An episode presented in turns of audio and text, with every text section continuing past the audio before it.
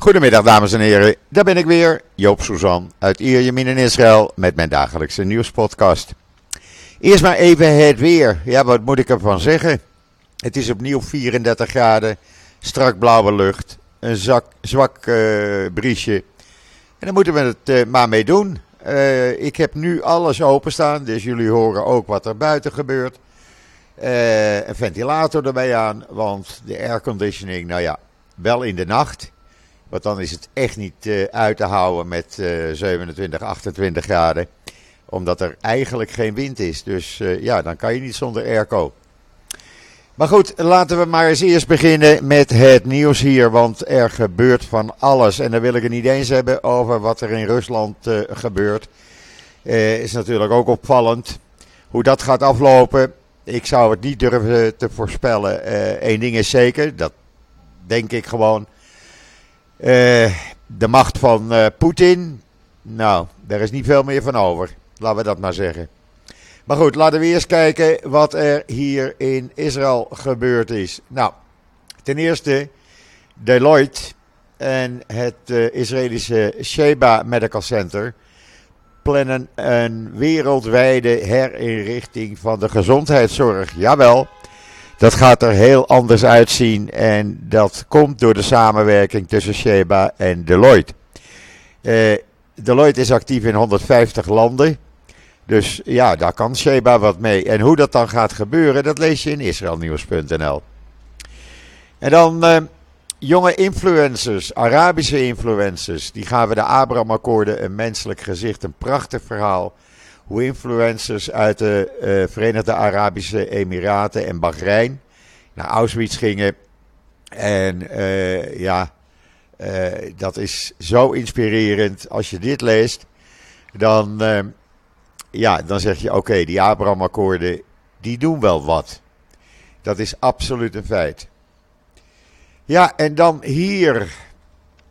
we hebben daar natuurlijk gisteren op de heilige Shabbat vonden kolonisten, die dus orthodox zijn, met pijen lopen, keppeltjes op hebben en zich aan de Shabbat zouden moeten houden. Die vinden dat om met machinegeweren te schieten in een Palestijns dorp, dat mag op Shabbat. Nou laten ze mij niet meer de les lezen over wat ik wel en niet mag op Shabbat. Want dit kan natuurlijk helemaal niet.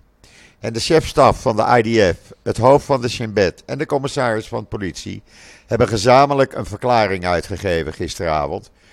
Waarin ze het geweld van deze kolonisten tegen Arabieren veroordelen. En daar hebben ze gelijk aan, want geweld lokt alleen maar geweld uit. We hebben al genoeg aan die terroristen, die Arabische terroristen onder leiding van uh, de Islamic Jihad en Hamas en Hezbollah en uh, de Lions. En dan moeten we nou nog ook Joodse kolonisten bij hebben, waardoor je dus een visieuze cirkel krijgt en geweld, geweld uitlokt.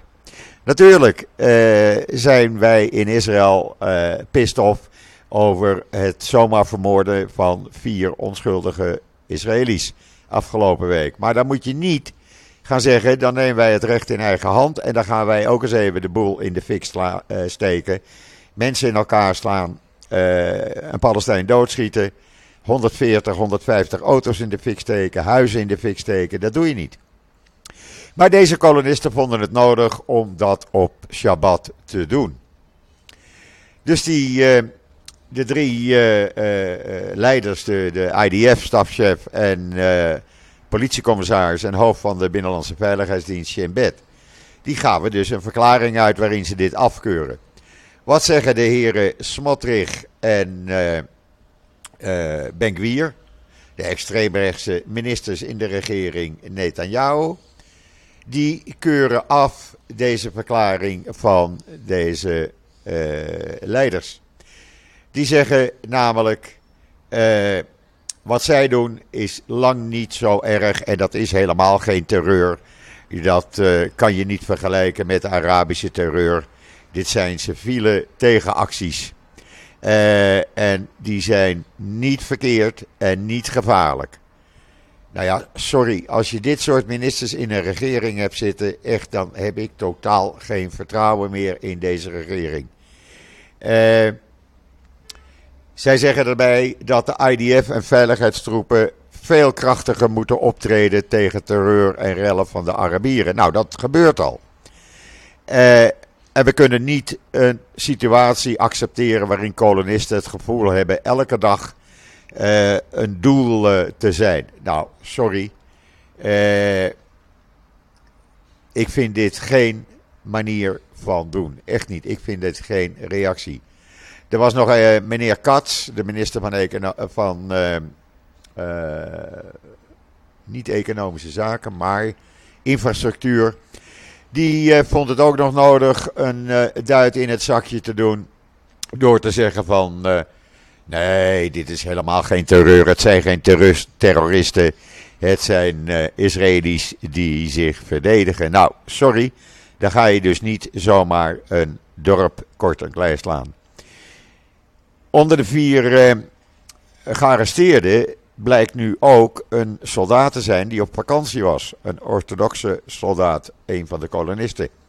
Die vond het ook nodig om mee te doen. Die zit dus ook vast. Meneer Smotrich en meneer Benkwier keuren ten zeerste af dat er vier kolonisten dus gevangen zitten, voorlopig in hechtenis. Dat hoort helemaal niet, die moet je vrijlaten, dan kunnen ze weer eh, de boel kort en klein slaan. Ja, sorry, ik vind dit geen manier van doen. Dit kan gewoon niet. En iedereen die dit goedkeurt, onder wat voor argument ook, is net zo gevaarlijk als die kolonisten. Je doet dit niet. 99, 98 procent van de Palestijnen die wil geen terreur. Het is een kleine groep terroristen onder leiding van Iran. En dat hebben we dus hier ook. Eh, de meerderheid, de overgrote meerderheid van de Israëli's, die wil helemaal geen rellen en toestanden. Maar dan heb je dus een aantal van die kolonisten, die gaan in die nederzettingen wonen. En die vinden het nodig om de boel dus, uh, ja, uh, ook terreur te gaan plegen. dat kan niet. Het is opvallend trouwens, en dat schrijft de Jeruzalem Post eh, de redactie van de Jeruzalem Post schrijft dat uh, heel duidelijk. Die zegt: Het is opvallend dat de Israëlische ministers stil zijn hierover. Je hoort Netanyahu hier niet over. Je hoort de meerderheid van de Israëlische ministers hier niet over. Uh, over die aanvallen van die kolonisten. Alleen de twee extreemrechtse, want ja, dat is hun achterban. Ben en Smotrich, uh, meneer Ben vond het vrijdagmiddag nog nodig om uh, de kolonisten op te roepen. Alle Palestijnse terroristen gewoon te vermoorden. Doe dat maar meteen, dan zijn we daar vanaf. Uh, illegale nederzettingen worden neergezet. Ja hoor, doe dat maar, zegt Smotrich. Prima. Ja, dan krijg je natuurlijk reacties. En het hoofdredactioneel artikel in de Jerusalem Post vind ik een hele scherpe. Die moet je maar eens even gaan lezen. Want ja, daaruit blijkt gewoon dat het niet kan. Dit kan gewoon niet.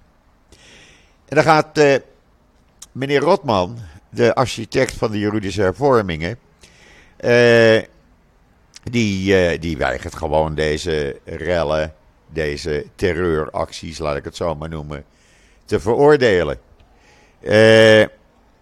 want hij liet doorschemeren dat ze niet er, niets ergers deden, ja daar komt hij, dan de honderdduizenden Israëlische burgers die zich elke zaterdagavond verzamelen om te demonstreren tegen de juridische hervormingen. Hoe vind je die? Meneer Rotman, de man die dus, daar kom ik zo meteen op terug, met een wet komt. Maar hij vindt deze terreur van die kolonisten uh, vergelijkbaar met wat uh, de demonstranten op zaterdagavond doen. Nou, sorry. Ik heb hier geen woorden voor. Inmiddels heeft Amerika uh, gezegd, uh, er sterk op aangedrongen, volgens de uh, Engelstalige Wynet, om te zorgen, meneer Netanyahu, stop dat geweld. Inmiddels heeft Amerika ook een beslissing van Trump teruggedraaid. En dat betekent dat er geen wetenschappelijk onderzoek of samenwerking meer is met uh, instellingen over de groene lijn. Uh, dat doen ze niet meer. Ja, dan krijg je dus ook met Amerika nog meer problemen. Uh, ja, zo stapelen de problemen voor Netanyahu zich op. En dat wordt alleen maar erger en erger en erger. En het eind is hier nog niet van in zicht. Betekent ook dat Netanyahu voorlopig niet naar Washington wordt uitgenodigd. Daar kan je van verzekerd zijn. Ja, en dan gisteravond stonden we er weer voor de 25ste week. Jawel, 25 weken. Waarin honderdduizenden Israëli's demonstreren tegen de voorgenomen juridische hervormingen. Uh, juridische hervormingen, ik blijf het zeggen, normaal prima. Je moet met je tijd meegaan. Maar we hebben geen grondwet, we hebben geen controlerende instantie, zoals een Eerste Kamer. De enige controlerende instantie is het Hoge Rechtshof. En daar wil men de macht van uh, verminderen. Zodat die uh, geen beslissingen meer kunnen nemen over wetten en ministeriële voorstellen. Daar komt dus vandaag, gaat men daar een wet uh, voor indienen. Meneer, Smot, meneer Rotman is dat. Want ja, die uh, uh, benoemingscommissie, ja, dat gaat dus ook niet volgens plan, die benoemingscommissie van rechters. Dus maken ze maar een wet. En die wet gaat luiden dat uh, beslissingen door ministeries en wetsvoorstellen van ministeries niet meer door het Hoge Rechtshof kunnen worden getoetst. Ja, dat kan natuurlijk niet. Dat is gewoon dictatuur. Klaar. Want het zou kunnen betekenen dat men wetten gaat maken waarbij uh, uh, de gay pride uh, niet meer mag. of waarbij minderheden geen rechten meer krijgen. dat wordt dus allemaal niet getoetst. Want dat mag niet meer. Ja, sorry, dan krijg je dus dat er gisteravond weer honderdduizenden Israëli's de straat op gingen.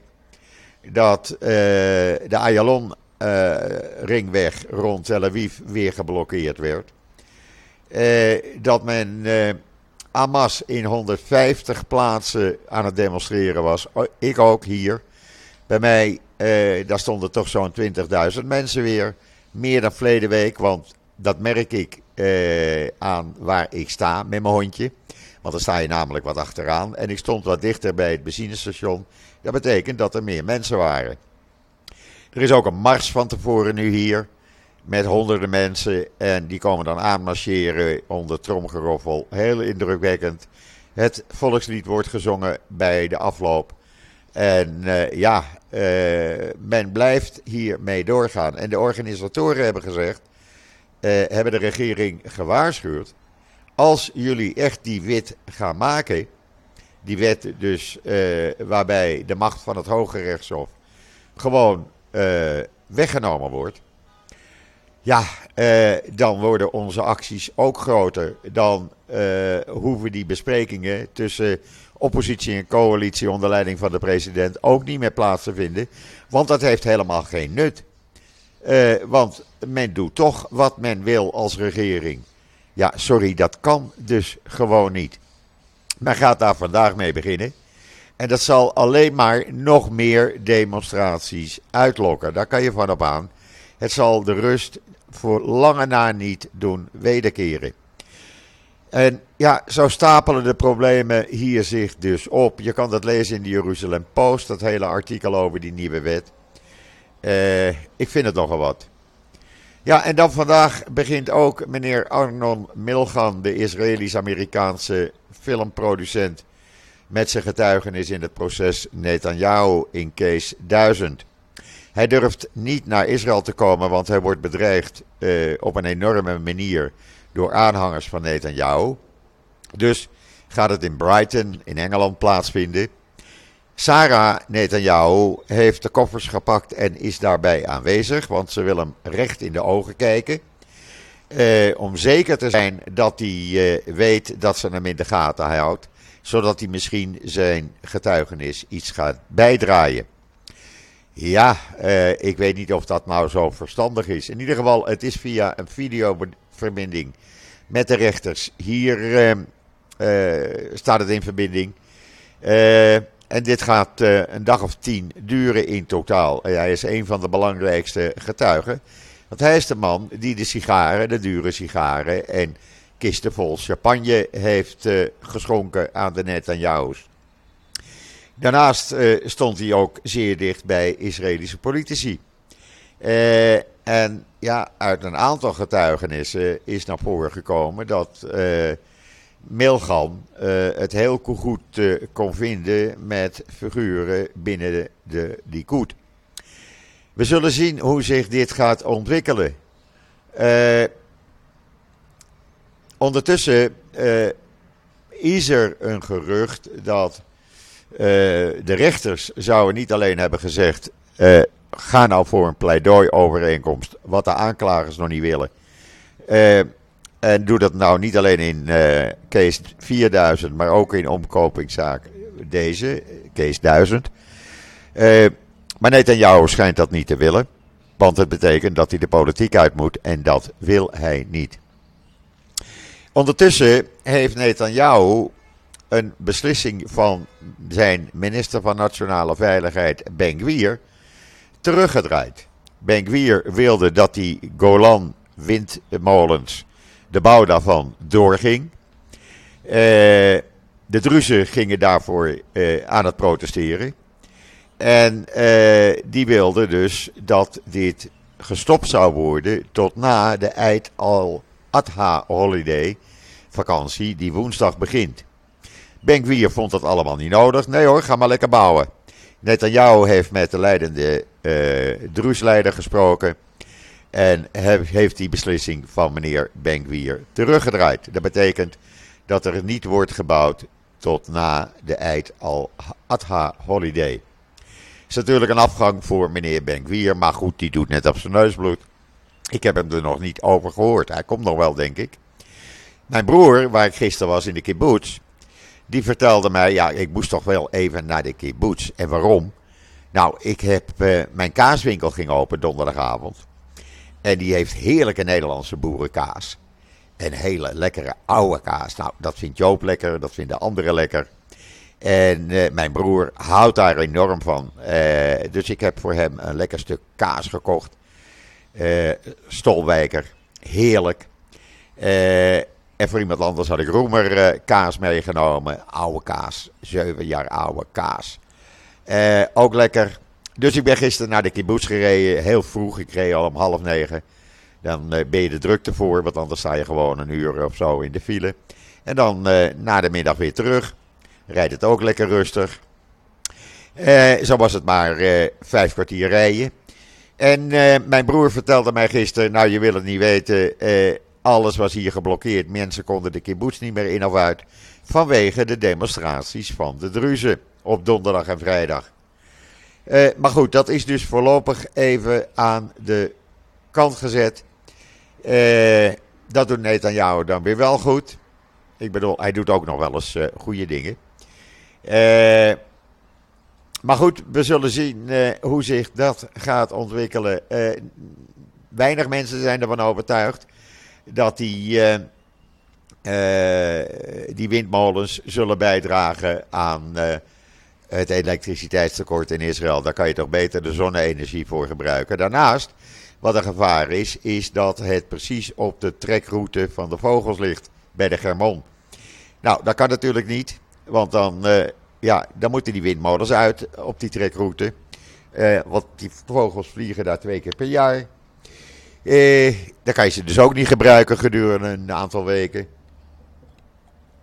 Dus zo verstandig is dat nou niet.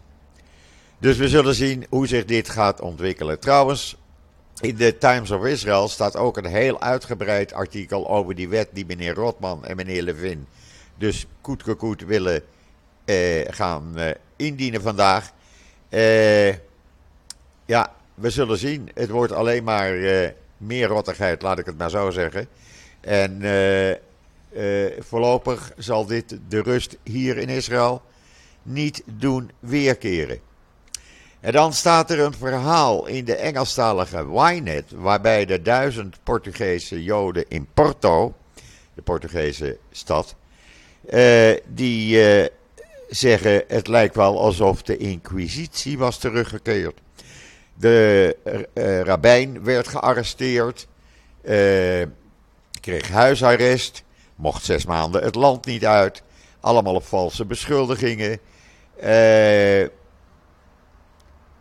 ze zijn gewoon anti-Joods bezig. En waarom?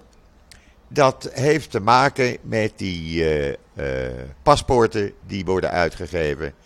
En men zou paspoorten aan Joden hebben uitgegeven die niet van Portugese voorouders afstamden. Nou, dat blijkt helemaal niet waar te zijn. Het is allemaal leugens, maar daardoor zijn wel ja, een soort inquisitieschandaal gecreëerd. Lees dat in de uh, uh, Engelstalige Wynet. En dan, ja, wat hebben we nog meer? Nou, we zijn er nog niet hoor, maak je me niet bezorgd. in de Haaretz dus een heel mooi verhaal, waarbij uit de doeken wordt gedaan hoe Sarah Netanyahu meneer Milgan in de ogen gaat kijken. Nou, als je die blik ziet, dan uh, word je al een beetje zo van oei. Zij probeert gewoon de man te beïnvloeden dus. dan heeft het even geduurd, een week of zo.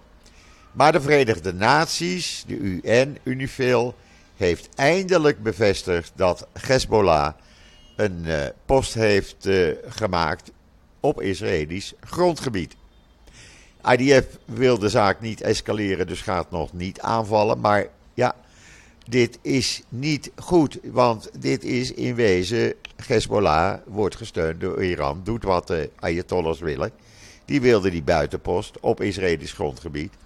Nou, die is er dus op Mount Dof. Hoe dit zich gaat ontwikkelen, mensen, ik weet het niet. En dan, uh, Cyprus heeft een Iraanse aanval, terreuraanval op Joodse doelen en Israëli's in Cyprus uh, weten te voorkomen.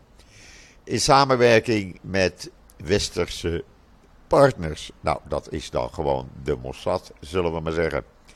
Ook Amerika zouden wij betrokken zijn. In ieder geval, men was uh, van plan uh, om een grote terreuraanval op Joodse doelen en Israëli's die in Cyprus wonen uit te gaan voeren. Dat is gelukkig voorkomen. En dan heeft Israël een ondergrondse tikkende tijdbom. Zo mag je dat wel noemen. En wat is die tijdbom? Dat is de enorme vervuiling van de grond in de kleine dichtbevolkte staat. Die vervuild is met allerlei chemicaliën. Eh, vaak zit die grond in het hart van steden dicht bij woningen, scholen, kleuterscholen. En wat doet de staat? Wat doet de regering? Niet veel, niks, kunnen we eigenlijk zeggen. Uh, hopelijk is men wakker geschud door die enorme explosie die zaterdagochtend vroeg heeft plaatsgevonden in Herzliya. Op het gebied waar vroeger de eh, IMS, de militaire uh, fabriek, stond. Uh, dat wil men ontwikkelen nu als uh, uh, bouwgrond voor huizen. Het is een van de meest dure en gewilde gebieden in Israël. Maar die grond blijkt enorm verontreinigd te zijn met brandstoffen en residuen van allerlei chemicaliën. Ook met explosieven die daar weer onder liggen. Nou, die zijn dus ontploft. Hoe weet men nog niet. Maar het is een enorme krater geworden. Hopelijk is de regering nu wakker geschud, maar ik denk het niet, mensen. En waarom denkt Joop dat niet? Joop denkt dat niet omdat de regering te druk is met het eh, eigen hachie met de juridische hervormingen. En voor de rest wordt er hier niet geregeerd. Er is in die zes maanden nog geen enkele wet gemaakt. Er is uh, afgelopen dinsdag uh, zou er een uh, bijeenkomst zijn vanwege de hoge kosten van levensonderhoud. Nou, daar gaan we wat aan doen. Toen werden die uh, vier Israëli's vermoord. Toen is die uh, meneer Smotrich, de minister van Financiën, heeft gezegd: Nou, jongens, jullie bekijken het maar. Ik vind die kosten van levensonderhoud minder belangrijk als wat er nu is gebeurd. Daar moet ik bij zijn. ik moet mijn gezicht laten zien in die nederzetting in Eli. En we gaan dus niet verder met die besprekingen. Ja, als dit regeren is, sorry, want de IDF en de Binnenlandse Veiligheidsdienst kan het ook af zonder meneer Smotrich. En dan heeft Israël inmiddels Rusland verteld om het niet de les te lezen over de Holocaust-herinneringen.